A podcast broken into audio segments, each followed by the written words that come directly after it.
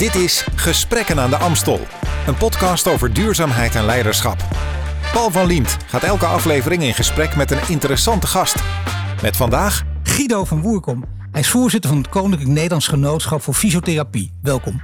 Dankjewel. Ja, we gaan elkaar tutoyeren. Dat doen we in deze serie. Dat, eh, dat maakt het allemaal iets informeler natuurlijk. En het belangrijke is ook dat um, Guido van Woerkom, denken mensen, wacht nou even. Koninklijk Nederlands Genootschap voor Fysiotherapie. Maar die man is er voor zijn leven lang uh, hoofddirecteur van, van de ANWB. Voor mij met name. We hebben elkaar vaak gesproken in die periode. Maar je hebt ook veel meer gedaan. Heel groot op het gebied van mobiliteit. Maar ook een zeer ervaren door de wol geverde bestuurder komen we straks uh, over te spreken wat je allemaal doet. Maar ook bijvoorbeeld lid van het dagelijks bestuur van de VNO-NCW, voorzitter van de AWVN en ook lid van de SER. Dus dat betekent ook uh, vertrouwd met het, met het Hollandse polderen, kent de weg heel goed in Den Haag. Dat is echt belangrijk. En in de reiswereld actief bij schadeclaim Volkswagen. Maar er zijn veel meer dingen die doen. Translink ook, het verwerkingssysteem. Maar wat vergeet ik? 9292 niet te vergeten. Het heeft tegenwoordig een veel betere naam, geloof ik. Als je daar raad van de, als voorzitter van de Raad van Commissarissen bent. Ja, voorzitter van de Raad van 9292 Reisinformatiegroep, zoals het officieel heet. Maar ja. ja iedereen kent natuurlijk de 9292-app. Die uh, nou ja, ook in deze tijd met stakingen weer bewezen heeft uh, heel goed te functioneren. Nou, laten we gaan praten zo meteen over, over besturen, over mobiliteit. Uh, natuurlijk ook over, over de kwaliteit van bestuur zelfs. Maar misschien beginnen toch met het Koninklijk Nederlands Genootschap voor Fysiotherapie. Want er is vandaag, uh, dit wordt iets later uitgezonden, maar vandaag als wij spreken, is er kritiek op het zorgakkoord. Van in ieder geval van de artsenfederatie. Die zeggen er is geen aandacht voor waar het eigenlijk om gaat. En dat komt dan in het koord neer op met heel veel woorden op preventie. Is de kritiek vanuit jullie hoe precies hetzelfde? Nou, wij herkennen ons daar wel uh, in. Uh, ik hoop wel dat er een integraal zorgakkoord gaat komen. Uh, misschien met nog een, nog een aanpassing. Want dat hebben we wel in Nederland nodig. we hebben een tekort aan mensen. we gaan veel meer geld uitgeven aan, aan de gezondheidszorg. Ja, en daar moet je wel met elkaar willen nadenken op wat voor manier kunnen we dat beter doen. En beter doen, rekening houden met ja, minder mensen. Dat is toch een van de grote opgaven voor de komende tijd. Ja, dat is inderdaad een van de grote opgaven. Het is ook, uh, mensen van buiten zeggen dat makkelijk. Uh, jij zit er middenin, je, je kan van binnen kijken. En jij zegt ook dat zorg, dat het wel, alles is belangrijk nu, is levende perfect storm. Het is heel moeilijk om prioriteit aan te geven. Maar zorg is wel het item voor de komende twintig jaar. Nou ja, we gaan met elkaar uh, ouder worden. Hè? De vergrijzing, dat weten we allemaal. we weten dat ouderdom komt met gebreken. Ja, die gebreken die, die moeten verzorgd worden, vragen zorg. En daar heb je mensen voor, uh, voor nodig. En de kunst is om dat op een slimmere manier te gaan doen. En de mensen die we hebben ook uh, beter in te zetten. En daar kunnen bijvoorbeeld de fysiotherapeuten een hele belangrijke rol in vervullen. Ik heb er veel over gelezen. Fysiotherapie, heel interessant. Toevallig kwam het bij mij vrij dichtbij. vrij iets onschuldigs. Maar toch, dan dacht je, je moet even toch die gang maken langs de huisarts. En daarna moet je uh, naar de fysiotherapeut. Dat is ook heel belangrijk. En dan praat je er met heel veel mensen over. En dan kwam ik steeds wel op hetzelfde onderwerp terug. Dat viel me echt op. Namelijk, uh, en jij had het zelf ook, in, in interviews met jou gaat het ook over de juiste uh, de juiste plek is heel erg belangrijk. Je kunt soms ook meteen doorgaan naar de fysiotherapeut. Dat dacht ik in mijn geval ook. Veel mensen waar ik sprak, die hadden het daar ook over. Is dat iets wat we in de toekomst ook veel meer moeten gaan zien? Ja, het is nu al mogelijk om rechtstreeks naar, uh, naar de fysiotherapeut te gaan. Uh, directe toegang noemen we dat. Dat ontlast ook de huis, huisarts. En wij zeggen ook, ja, die huisarts die wordt in zijn praktijk geconfronteerd met ongeveer 30% bewegingsklacht vragen. Ja, uh, daar is hij toch minder voor opgeleid dan, uh, dan de fysiotherapeut. Nou, wij zien uh, de fysiotherapeut op termijn dus echt geschakeld naast de, de huisarts, waardoor ze samen kunnen zorgen voor, voor de meest passende zorg. Nou merk ik wel, en het lijkt nu heel particulier, het gaat niet om mij, maar het gaat om dat je dan toevallig wel met, met, met veel mensen over praat. Dat ik zeg, zeker 10, 20 mensen die, die ongeveer hetzelfde constateren. Je gaat direct naar de fysiotherapeut. De fysiotherapeut zegt, toch ga je voor de zekerheid nog even naar de huisarts. Dat doe je dan ook ter bevestiging. En dan moet de huisarts moet ook het hele protocol nog doen. En die moet dan weer opschrijven wat er aan de hand is. En die stuurt het weer door naar de fysiotherapeut die het eigenlijk al weet. Dan denk je, die bureaucratie kan er toch wel uit. Of moet je elkaar toch indekken op een of andere manier? Nou, ik vind in ieder geval dat de huisarts moet de speel blijven voor de informatie. Uh, voorziening. dus uh, die, als patiënt sta je ingeschreven bij, bij een huisartsenpraktijk en die hoort alles te weten. Dus als je direct naar de fysiotherapeut uh, gaat, wat ik uh, aanraad in de meeste gevallen, moet er ook een goede lijn zijn, een informatielijn naar de huisarts toe. En die is er eigenlijk niet. de contacten, de, de, elektronische contacten tussen het EPD, het elektronisch patiëntendossier van, de, van de fysiotherapeut en de huisarts, die sluiten onvoldoende met elkaar, op elkaar aan. En daarom zie je vaak dat eventjes nog die, uh, die lijn teruggezet wordt. Maar daar zou je eigenlijk vanaf uh, moeten, want dat scheelt een hoop tijd en geld. Maar is dit alleen een digitale kwestie of speelt er veel meer mee? Nou, er speelt zeker ook een digitale kwestie, dat is zeker belangrijk. En soms is het ook ja, dat er andere factoren ook uh, meespelen. Denk aan uh, echt stressgerelateerde klachten die er, die er zijn. Ja, uh, lage rug is zo'n bekend voorbeeld daar, daarvan. Ja, je ziet de symptomen, je, je kan helpen om dat te voorkomen. Maar als er stress bij zit, of ja, je hebt, ik zeg wel eens, te veel op je schouders. Ja, dan ga je dat in je rug voelen. En daar is dan die huisarts ook weer, weer goed voor. Dus dat samenspel, dat zal zeker moeten zijn, maar dat kan zeker geoptimaliseerd worden. Wat zijn er wel ongelooflijk veel klachten als je daar een beetje gaat verdiepen die je kunt krijgen allemaal. En inderdaad met een ouder wordende bevolking, jongen, jongen, jongen. Dus iedereen ook ontzettend blij als je goed geholpen wordt. Dus je hoopt dat er heel veel artsen en heel veel fysiotherapeuten ook zijn. Hoe zit het met de arbeidskrapte op het gebied van fysiotherapeuten? Zijn er veel te weinig of zijn ze niet aan te slepen? Um... Nou, op zich zijn er voldoende uh, fysiotherapeuten um, als je kijkt naar wat er van de opleiding afkomt. Uh, maar wat we in toenemende mate zien, is dat ze eigenlijk versneld het vak verlaten. En dat vinden we erg, eh, erg zorgelijk. En waarom verlaten ze dat vak? Omdat eh, ja, de beloning eigenlijk onvoldoende is en ook het carrièreperspectief onvoldoende uh, is. En daar praten we ook over met, uh, met de zorgverzekeraars. want die zullen toch iets aan die tarieven moeten, moeten doen. Maar ook met het, met het Zorginstituut, die fysiotherapie een betere plek in het hele zorgstelsel zal moeten, moeten geven. Maar als het allemaal doorgaat, betekent dat uiteindelijk, als je hier naar luistert als consument, dan denk je: oké, de premie gaat omhoog, ik hoor het al. Nou, ik denk het niet, want uh, uh, als we kijken naar de handelingen die nu in de tweede lijn in het ziekenhuis worden uh, verricht, dan zijn die eigenlijk veel duurder en die kunnen makkelijk worden overgenomen in veel gevallen door, um, door een fysiotherapeut. Dus daarmee bespaar je. We hebben ook uh, Ecoris onderzoek daar laten, doen en dan, dan zie je dat je tientallen miljoenen besparen door de fysiotherapeut op een betere manier in te zetten. Wat kun je doen aan, uh, aan, aan hoge salarissen? Gaat het dan echt om uh, inflatiecorrecties, automatische correcties? Gaat het echt om 10, 11, 12 procent meer salaris over dat soort bedragen? En wat kun je doen aan carrièreperspectief? Nou ja, ik denk dat het zelfs over meer gaat. Uh, sinds 2006 zijn de, de tarieven eigenlijk niet structureel geïndexeerd. Om een idee te geven, een fysiotherapeut krijgt voor een, een half uur tarief nou, 30, 32 euro. En dat is op HBO-niveau. En een, een, een GLI-assistent, eh, dat is, gaat over de leefstijl, ja, die krijgt 38 euro. Dus dat is een MBO-beroep. Dus daar zit gewoon iets niet goed. Als we kijken naar de kostprijs, dan zit de kostprijs eigenlijk rond de 40 euro. Dus dan heb je het over een uh, verhoging van 25 procent, wat echt nodig is. Uh. Ja, dat is echt heel stevig. Hoe reëel is dat? Dat dat het ook die kant op gaat? Uh, nou, het, het, zal niet reëel blijken te zijn, vrees ik, als de uh, fysiotherapie in de aanvullende verzekering uh, blijft. De aanvullende verzekering loopt qua dekking terug. Minder mensen sluiten dat af. Dus dat betekent dat de hoeveelheid geld die binnenkomt minder wordt. Als die tarieven verhoogd worden, dan zeggen weer meer mensen af. Dus een van de, ja, de voordelen die het heeft om fysiotherapie naar de basisverzekering te halen, is dat je ook een passend beloning kan, uh, kan organiseren. En uh, ja, dat, dat zal nog een paar jaar duren. Maar dat moet echt wel gebeuren. Niet alleen voor die, voor die, die inkomens, die salarissen, maar meer nog voor een beter functionerend zorgsysteem. Maar het moet gebeuren. Nou kan, eh, kan de NS kan gaan staken en daar heeft het hele land last van. En er is ook heel veel publiciteit komt erbij kijken. Dat werkt heel goed als je aan het staken bent. Hoe is het bij fysiotherapeuten? Wat voor machtsmiddel heb je achter de hand? Nou, eigenlijk het enige machtsmiddel dat je hebt is, is de overtuiging. En uh, ook anderen laten zeggen, zeker ook artsen laten zeggen, hoe belangrijk uh, fysiotherapie is. Als ik kijk naar, uh, naar externe richtlijnen, dus richtlijnen van, van artsen, dan zijn wij als fysiotherapeuten betrokken bij 160 externe richtlijnen. Dus er komen orthopeden, oncologen, die komen naar, naar ons toe en zeggen van wij willen een richtlijn ontwikkelen. En kunnen we even samen afspreken wat een fysiotherapeut dan gaat doen. Dus die erkennen daarmee het belang van, de, van de fysiotherapie. Terwijl als je kijkt naar het stelsel, ja, dan zit de fysiotherapie in de aanvullende verzekering en eh, niet in de basisverzekering. En dan hoort die wel thuis. En dan de rol van de, van de zorgverzekeraar. Hoe is het daarmee gesteld? Want eh, de zorgverzekeraar speelt hier natuurlijk ook een, een, een, echt een grote rol inderdaad. Hoe staat het daarmee? Ja, de, uh, de zorgverzekeraar heeft natuurlijk een, ja, een bijzonder belang dat een beetje ja, naast de echte zorgverantwoordelijkheid ligt, namelijk eh, hun profileringsmogelijkheid. Als je kijkt naar uh, de, de aanvullende verzekering, die draait uh, voor naar 80, 85 procent op de, op de fysiotherapie. Dus verschuift die naar de basisverzekering, dan is er ineens een profileringsmogelijkheid voor de zorgverzekeraars verdwenen. En daar merk je toch dat ze daar heel veel moeite mee, mee hebben. Nu is het wel belangrijk, en nu komen we echt op het, op het thema leidinggeven, zou ik bijna zeggen. Als je uh, ja, door de wol geverfd bent in de polder, uh, je weet de weg in Den Haag, wat voor jou allemaal geldt. Je zit nu weer op een belangrijke positie op een heel belangrijk terrein.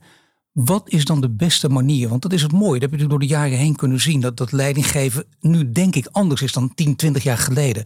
Wat kun je nu voor middelen aanwenden om, om je gelijk te krijgen? Ja, het is uh, volhouden. Uh, ook niet teleurgesteld raken als het even niet lukt. Als ze zeggen van nou nu niet. Of dat je echt het gevoel hebt van ja, ik word nu weer met een kluitje in het riet gestuurd. Dan moet je toch weer uit dat riet komen en wederom met die boodschap komen. Goed luisteren welke signalen er afgegeven worden. En vanuit die signalen ook gaan, uh, gaan, gaan acteren. een van de uh, problemen die we in de sector hebben vanwege die lage tarieven is dat er geen CAO is. Um, ja, die CAO hebben we wel nodig om ervoor te zorgen dat tariefsverhogingen uiteindelijk weer terechtkomen bij de fysiotherapeuten die uh, daar hun inkomen uit uithalen. Nou, dan moet je dus weer met werkgevers en werknemers in de sector ook gaan praten van nou, hoe kunnen we nou tot een CAO komen, gegeven de beperkende omstandigheden van de tarieven ook. Tuurlijk, maar uh, op een gegeven moment heb je altijd met de achterban te maken. Die merken wat er gebeurt. En die, die kijken dan, is dat een goede of slechte leidinggever? Die zijn ook uh, makkelijk geneigd, dat is ook begrijpelijk vanuit die positie. Krijgt hij iets voor elkaar? Krijg je wat voor elkaar? Dat vinden mensen het meest interessante. Daar hebben ze ook de meeste waardering altijd voor. Blijkt uit bijna alle onderzoeken. Hoe kun, je, hoe kun je dat spel het beste spelen, als ik het zo mag noemen? Nou, dat is ook laten zien. Uh, wat, wat ook heel belangrijk is, is toch visie. He, waar vind je. Toch visie, toch ja, wel. Echt visie, want waar, waar gaat het nou naartoe? He, je, je bereikt in de polder, en zeker in zo'n zorgstelsel, niet iets van vandaag op morgen. Je moet daar op lange termijn aan gaan werken, consistent aan gaan werken. En voor anderen ook zichtbaar, oké, okay, die kant willen we op, die kant gaan we op. En we spannen ook ons in om daar, uh, daar te komen. Daar zijn we op afrekenbaar, als ik het zo mag, uh, mag zeggen.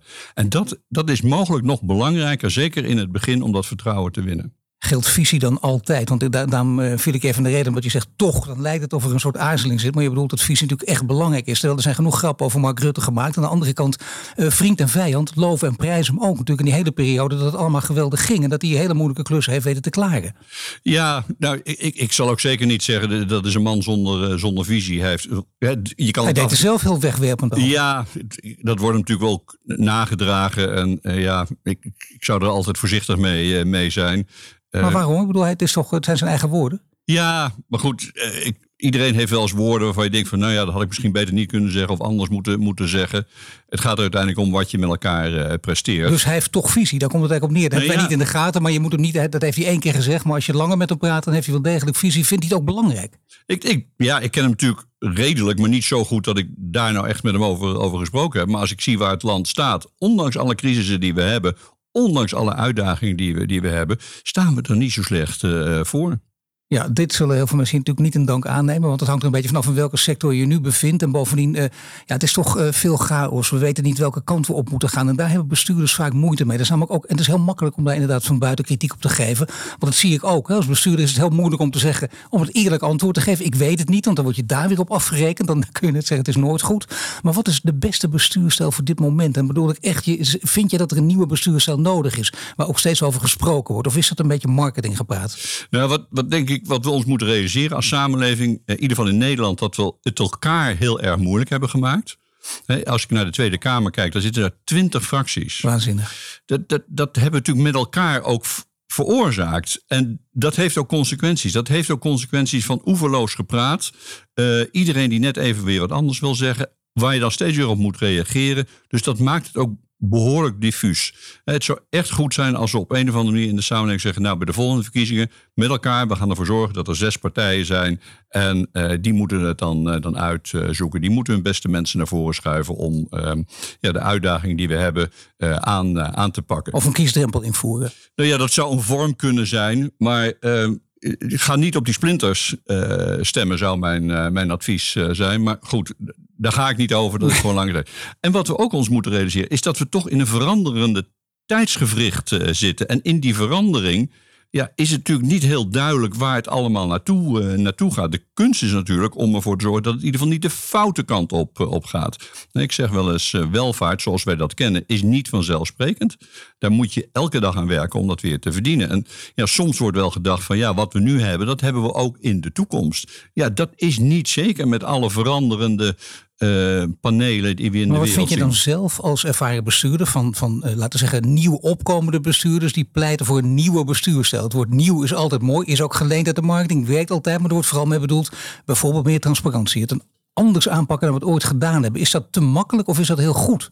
Nou, ik vind transparantie en verantwoordelijkheid afleggen heel erg goed. Ik vind ook wel dat we dan als samenleving daar op een goede manier mee om moeten, uh, moeten gaan. Als iemand zegt, ja, dit en dit zijn mijn afwegingen geweest respecteer dan de afwegingen en ga niet weer voortdurend zeggen: ja, dat is belachelijk, je hebt dit niet gedacht, je hebt dat niet gedacht, ik had het anders uh, gedaan. Waardoor die discussie eigenlijk weer verzandt in alle afwegingen. En ja, daar kunnen we toch wat minder goed mee omgaan, is mijn beeld. Maar met belangrijke posities in, uh, bij de AWVN, uh, AWVN bij de, bij de SER, bij VNO-NCW, weet je ook welke rol polderen speelt in die nieuwe bestuurstijl. En, en, en, daar kunnen we zien of we daar wel goed mee om kunnen gaan. Zie je daar een verschuiving? Nou ja, ook, ook bij polderen is er voortdurend een, een zoektocht naar evenwicht en ook naar timing. Um, kijk, voor de vakbeweging is dit natuurlijk een hele goede periode om weer te laten zien dat ze ergens voor staan. Het NS-akkoord is daar een voorbeeld uh, van. Ja, ik kan me heel goed voorstellen dat in zo'n situatie um, de, de, vakbeweging zegt van ja, ik zit nou niet op een sociaal akkoord uh, te wachten ik doe het wel aan de onderhandelingstafel. Ja, Hoewel en... ze daar verdeeld over waren. VNO-NCW wilde per se dat akkoord, het kabinet overigens niet. En uh, ja, de, de, vakbeweging, en uit de reconstructies bleek dat ze verdeeld zijn. In het openbaar zeggen ze dat het niet zo is. Maar inderdaad, dat is de situatie. Maar waarom is het kabinet zo aarzelend? Nou ja, het kabinet is natuurlijk aarzelend omdat ze bang zijn dat uh, in dat sociaal akkoord er uh, ja, verplichtingen komen richting het kabinet. Waarvan ze zeggen, ja, daar kunnen we niet aan, aan voldoen. En uh, ja, dat begrijp ik ook uh, voor een deel wel. Uh. Maar de voorzitter van VNO-NCW, Inke Thijssen, was natuurlijk echt, om het zacht uit te drukken, not amused. En hij gebruikt hier de, voor de hand liggende middelen. Anderhalf week geleden, de Telegraaf, heel groot in het weekend samen met Jacco Von of MKB. En dat snap je ook weer, flink uithalen. En dan echt voor haar doen, flink uithalen. Ook zwaar teleurgesteld zijn voorlopig niet meer aan die tafel. Dan zet je ook in natuurlijk, dat hoort ook bij het onderhandelingsspel, maar toch. Ja, nou eerlijk gezegd vind, vind ik dat een wel heel erg zware inzet uh, geweest. Uh, om je twee voorzitters uh, op die manier naar voren te schuiven. Ehm, het, was ook redelijk gebruikelijk om niet te reageren op voornemens. Hè, dus alleen maar te reageren op daadwerkelijke plannen. maar ja, ook de achterbannen hebben natuurlijk hun, ehm, hun oren open en willen wat zien van hun, hun voorlieden. Maar als je mij vraagt van ja, was dat nou een, een staaltje goed polderen, dan geef ik het maar een mager zesje. Nee, dat snap ik. Dat begrijp ik. Er waren meerdere die dat ook zeiden. Ik wil er toch nog één tegenover stellen. Namelijk, uh, het zijn andere tijden. Met name ook door die energieprijzen. De paniek slaat toe. En dan kun je niet steeds roepen. Vandaar misschien ook wel de haast die geboden werd. Je kunt niet wachten tot Prinsjesdag. Wat je normaal wel deed. Of zeg je als ik je goed beluister. Nou nee, dat is toch genuanceerder. Polderen op de ouderwetse manier. Daar kun je van alles van vinden. Werkt nog steeds in Nederland. Uiteindelijk uh, is Nederland gebouwd op polders. Hè. Dat moeten we niet vergeten. Boeren, burgers en buitenluid daar komt het vandaan. Die eeuwenlange traditie, die hebben we met elkaar. En die zal ook in de komende eeuwen echt zo, zo blijven. En dat is natuurlijk met elkaar overleggen. Timing, wat ik net ook al, eh, al zei, is daar heel belangrijk uh, in. En als je wil reageren, kan je ook reageren op um, iets wat er niet gebeurt. Maar plannen waarvan je weet dat ze er zijn en je gaat daar al op reageren terwijl ze nog niet vast zijn, ja, dat vind ik niet zo verstandig. De hervorming van de arbeidsmarkt is een hele belangrijke. Ik denk zowel bij VNO-NCW als bij AWVN als bij de CER als in de hele samenleving ook. Daar heb je denk ik ook al enigszins in verdiept. En dan kwam uh, met name de, de, de VNO-NCW, maar ook AWVN, kwamen met het idee afgelopen week de, er zijn heel, met heel veel ideeën, maar één heel belangrijke die eruit sprong was zo echt de, de arbeidsduurverlenging. Dus we gaan allemaal harder werken. En dat vond ik wel een beetje vreemd. Ik snap het wel, maar ik herinner me nog vier, vijf jaar geleden Martin Ford, een bekende Amerikaan, die ook in Nederland een, een tournee hield met zijn boek Rise of the Robots. En heel veel spin-offs daarvan. Toen kregen we allemaal ingeprint, vier, vijf jaar geleden, we gaan hooguit 15 uur per week werken. En nu dit, deze boodschap. Wie heeft er nu gelijk? Want je denkt, ja, het lijken allebei korte en lange termijn verhalen, maar ik weet niet wie gelijk heeft. Um, dat weten we allemaal niet. Uh, wat ik wel zie is dat er een enorme krapte op de arbeidsmarkt uh, is. Um, we hoeven niet per se harder te werken als wel meer te werken. Dus ook nog niet zo makkelijk georganiseerd uh, overigens. Maar ja, we zijn in Nederland wel kampioen parttime werken. Heeft heel veel waarde. Maar je kan je ook afvragen, ja, is dat altijd uh, de goede waarde die je op, een bepaald moment uh, voorop stelt. Dus meer werken is op zich niet zo verkeerd. Dan die robotisering. Wat we gezien hebben is dat die robotisering eigenlijk zorgt voor meer werk. je kan meer dingen doen, maar je hebt wel ander type mensen nodig die die robots kunnen ontwikkelen, bedienen, onderhouden, zorgen dat die, dat, dat die de productieketen anders wordt vormgegeven. Dus ja, de gedachte dat dat allemaal zomaar weg is. Denk aan de zorg waar we net over gehad hebben. Ja, ik zie nog niet echt een robot heel makkelijk een, een oudere mevrouw naar een, eh, een, een toilet eh, brengen. Ik zie het niet zo gebeuren. Ja, misschien wel over twintig jaar. Maar ja, dan moeten we wel die tijd nog eventjes doorbrengen. Nee, kijk naar die verzorgingstehuizen. Daar zijn natuurlijk ook enorme tekorten. En inderdaad, daar kunnen de zorgrobots het werk gewoon niet overnemen. Dat geven de Martin Fords van deze wereld ook toe. Dat betekent dus wel dat je ook op dat gebied heel veel mensen nodig zult hebben. Dat, dat, uh, ja, met, met een delegerend woord wordt het altijd de handjes genoemd. Ook als het gaat over de energietransitie. Het kan, we hebben plannen. Alleen ja, wie moet die zonnepanelen aanleggen? Wie moet die warmtepompen aanleggen? Hebben wij uh, de handjes, laten we zeggen het MBO, enorm onderschat en ondergewaardeerd? Ik denk het wel. Ik denk dat uh, uh, hand, met je handen werken lange tijd ja, niet de aandacht heeft gekregen die het, die het verdiende. En dat, dat zit echt in dat MBO. Er zitten hele goede scholen die dat, waar mensen ook worden opgeleid. Maar we moeten als samenleving dat ook vele malen meer, meer waarderen. En dat, dat geldt bij heel veel MBO-beroepen. Maar zijn er nu visionaire leiders die zeggen: luister, in deze tijd, we weten allemaal hoe moeilijk het is, maar het gaat die en die kant op. Maar ja, jij bent op een paar punten uh, aarzelend, op een paar punten heel duidelijk. Zo zou je het eigenlijk willen. Is dat in de politiek niet heel lastig om het ook op deze manier uit te leggen? Of zie jij toch ook wel degelijk dat daar visionaire leiders in het bedrijfsleven ook visionaire leiders optreden? Nou ja, met die enorme versnippering is het lastig om ehm, eh, de groep achter je aan te krijgen, omdat er allerlei belangen spelen om dat juist niet te willen, te willen doen. Uh, maar als we het over dat MBO hebben, uh, technisch onderwijs, uh, ja, dan zouden we als samenleving moeten zeggen, dat vinden wij belangrijk. En ik zie dat wel gebeuren. Hè. Kijk, als je kijkt naar de, uh, de, de over, over chipkaart, hè, die wordt nu beschikbaar gesteld, ook voor het MBO. Ja. Uh, ik heb gezien dat er nu studentenverenigingen voor MBO-scholen uh, komen. Eventueel samen met HBO's, moeten we even de vorm voor vinden. Maar daarmee maak je het ook belangrijker. Dat, dat ze ook met elkaar op, optrekken.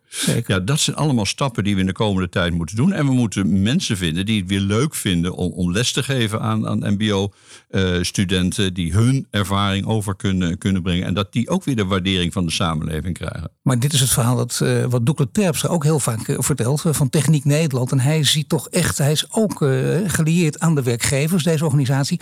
En hij zegt ook, nou, dit is, we hebben, je, je moet het toch even constateren ook al heb je er niks aan. Het is in het verleden, het is heel zuur, maar het is in het verleden heel lang geroepen. Er is niks gebeurd. Maar gebeurt het nu ook? Want je kunt wel zeggen, we moeten nu leraren gaan opleiden. Moet je toch vandaag mee beginnen? Daar moet je zeker vandaag mee beginnen. En ik ben ook zeer benieuwd wat, uh, wat in de begroting voor, uh, van OCMW staat. Of daar nou eens ja. ja. een apart hoofdstuk aan gewijd is. Natuurlijk is het hartstikke goed dat we aan ja, die topuniversiteiten aandacht besteden. Maar ja, elders in de samenleving is het ook nodig. Nu zie je uh, dat, uh, dat een van de oplossingen kan zijn, die kan op alle gebieden helpen, het hybride werken. Zie je dat ook om je heen, dat dat veel een grotere rol gaat spelen? Ja, het hybride werken, dat, dat is een onderdeel echt van de samenleving geworden. Dat is ook echt, echt goed, dat beperkt ook mobiliteit. Is het uh, blijvend, denk je, hybride werken? Ik denk werkgevers die ehm, goed nadenken over hoe ziet mijn arbeidsmarkt er in de toekomst uit en hoe willen mijn medewerkers en mijn toekomstige medewerkers uh, werken. Hoe komen die ook maximaal tot hun recht? Ja, die gaan uh, hybride werken zeker incorporeren. En het zal met elkaar een zoektocht zijn hoe je dat nou precies doet. Uh, of je nou twee of drie dagen toch naar kantoor moet, moet komen. Hoe je dat doet met je team overleggen. fysiek bijeenkomen blijft echt heel, heel belangrijk.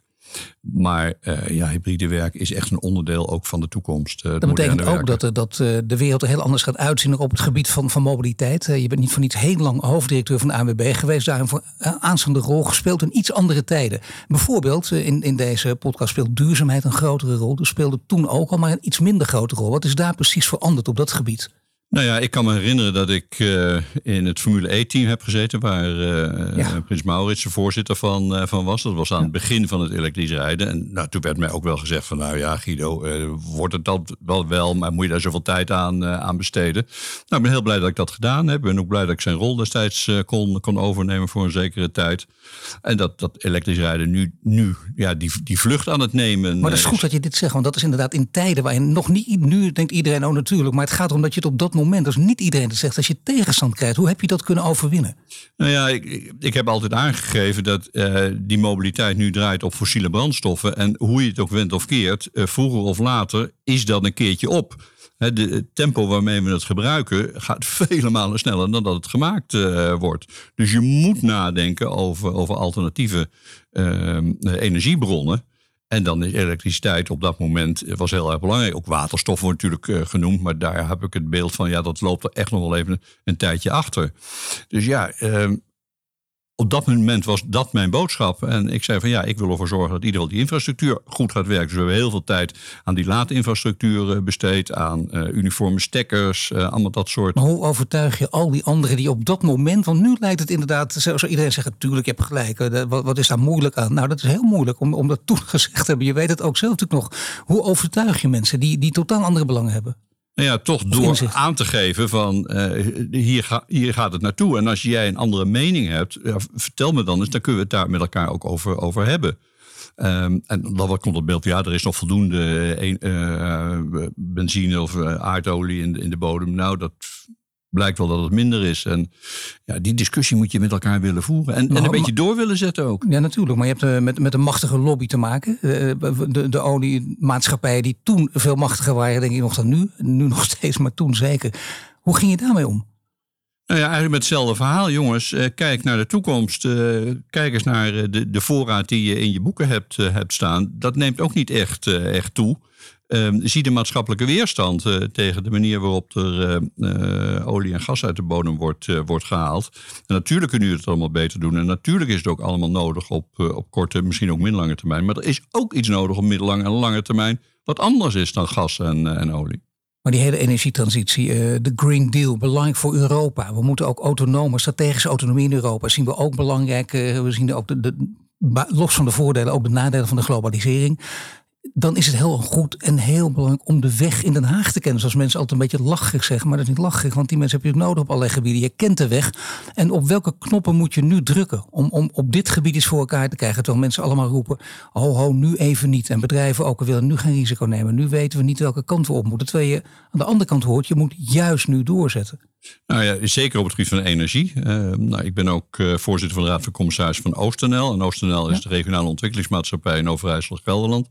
Onze directeur uh, gaat binnenkort met, met collega's praten met, met, met Jette, dat is minister van, van Energie, om aan te geven dat we heel veel bedrijven in portefeuille hebben die op een andere manier met energie en nieuwe energiebronnen en energieontwikkeling en energieopslag omgaan. En het zou heel goed zijn als we daar ook een specifiek ontwikkelprogramma voor, uh, voor op gaan, uh, gaan zetten. Maar wat houdt het precies in? Nou ja, kijk, veel van die start-ups die hebben um, uh, toch geld, geldgebrek. Die hebben geld nodig om ja, lastig onderzoek te doen, om prototypes te maken. Nou, die bedrijven die zijn er. Nou, wij proberen OostNL, maar ook andere bedrijven, eh, regionale ontwikkelingsmaatschappijen, om hen daarin te steunen. Maar ja, dat is beperkt. En ik denk, we denken met elkaar, ja, als daar een wat ruimere pot ter beschikking is, en die hoeft helemaal niet zo krankzinnig groot te zijn, dan kan je toch een aantal bedrijven een flink zetje geven. En is jouw indruk dat het die kant wil opgaan? Dat dat, want je merkt dat dat partijen zich in die richting bewegen, dat dit ook doorgaat? Ja, ik, ik, hoop, het, uh, ik hoop het wel. Ja, je ziet op tal van gebieden dat er naar alternatieven wordt, uh, aan alternatieven wordt gewerkt. En dat moeten we blijven doen. En daar zullen mislukkingen bij uh, zitten. Maar hopelijk ook, en die overtuiging heb ik ook, geweldige successen. Nou zitten wij hier op een, op een hele mooie plek in Amsterdam, aan de Amstel. Dus vandaag ook nog een zonnige dag. Uh, daar moeten we maar even flink van genieten. Bovendien, uh, ja, uh, je bent hoofddirecteur van de ANWB geweest. Ik denk altijd naar deze plek genoeg parkeerplekken, ook met de auto.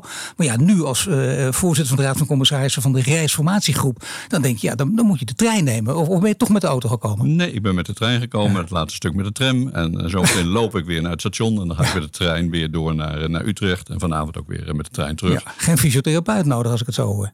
Nou, ik, dat, nou ja, dat is natuurlijk wel heel belangrijk dat je jezelf ook in conditie eh, houdt. En dat zal voor de toekomst, we hadden het in het begin even over preventie. Je zal aan je eigen lichaam moeten blijven werken om te voorkomen dat er te veel mensen aan jouw lichaam gaan zitten. En natuurlijk kan je niet alles voorkomen. Natuurlijk ben je ook uh, afhankelijk van hoe je lichaam reageert. Maar je kan wel degelijk iets, iets doen op het gebied van niet roken, uh, beperkt drinken, uh, voldoende slapen hebben, bewegen. Maar gelukkig wel beperkt drinken. Ja, Nou ja, eh, ik Kijk, hoor dus- mensen ook zeggen niet drinken. ja, nou ja, ik zit een beetje op de lijn van beperkt. Ja. Omdat ik ook wel zie dat hè, beperkt ook leidt tot een vorm van ontspanning. En want ik hadden het net over die lage rugpijn.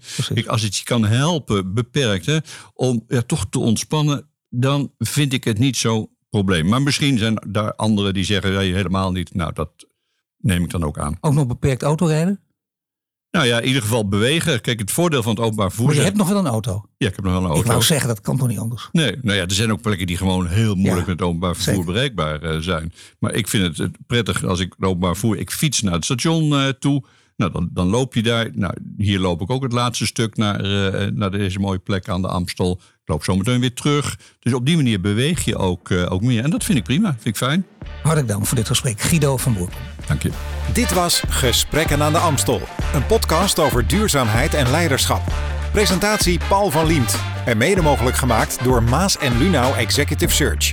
Volg ons in je favoriete podcastplayer voor meer Gesprekken aan de Amstel.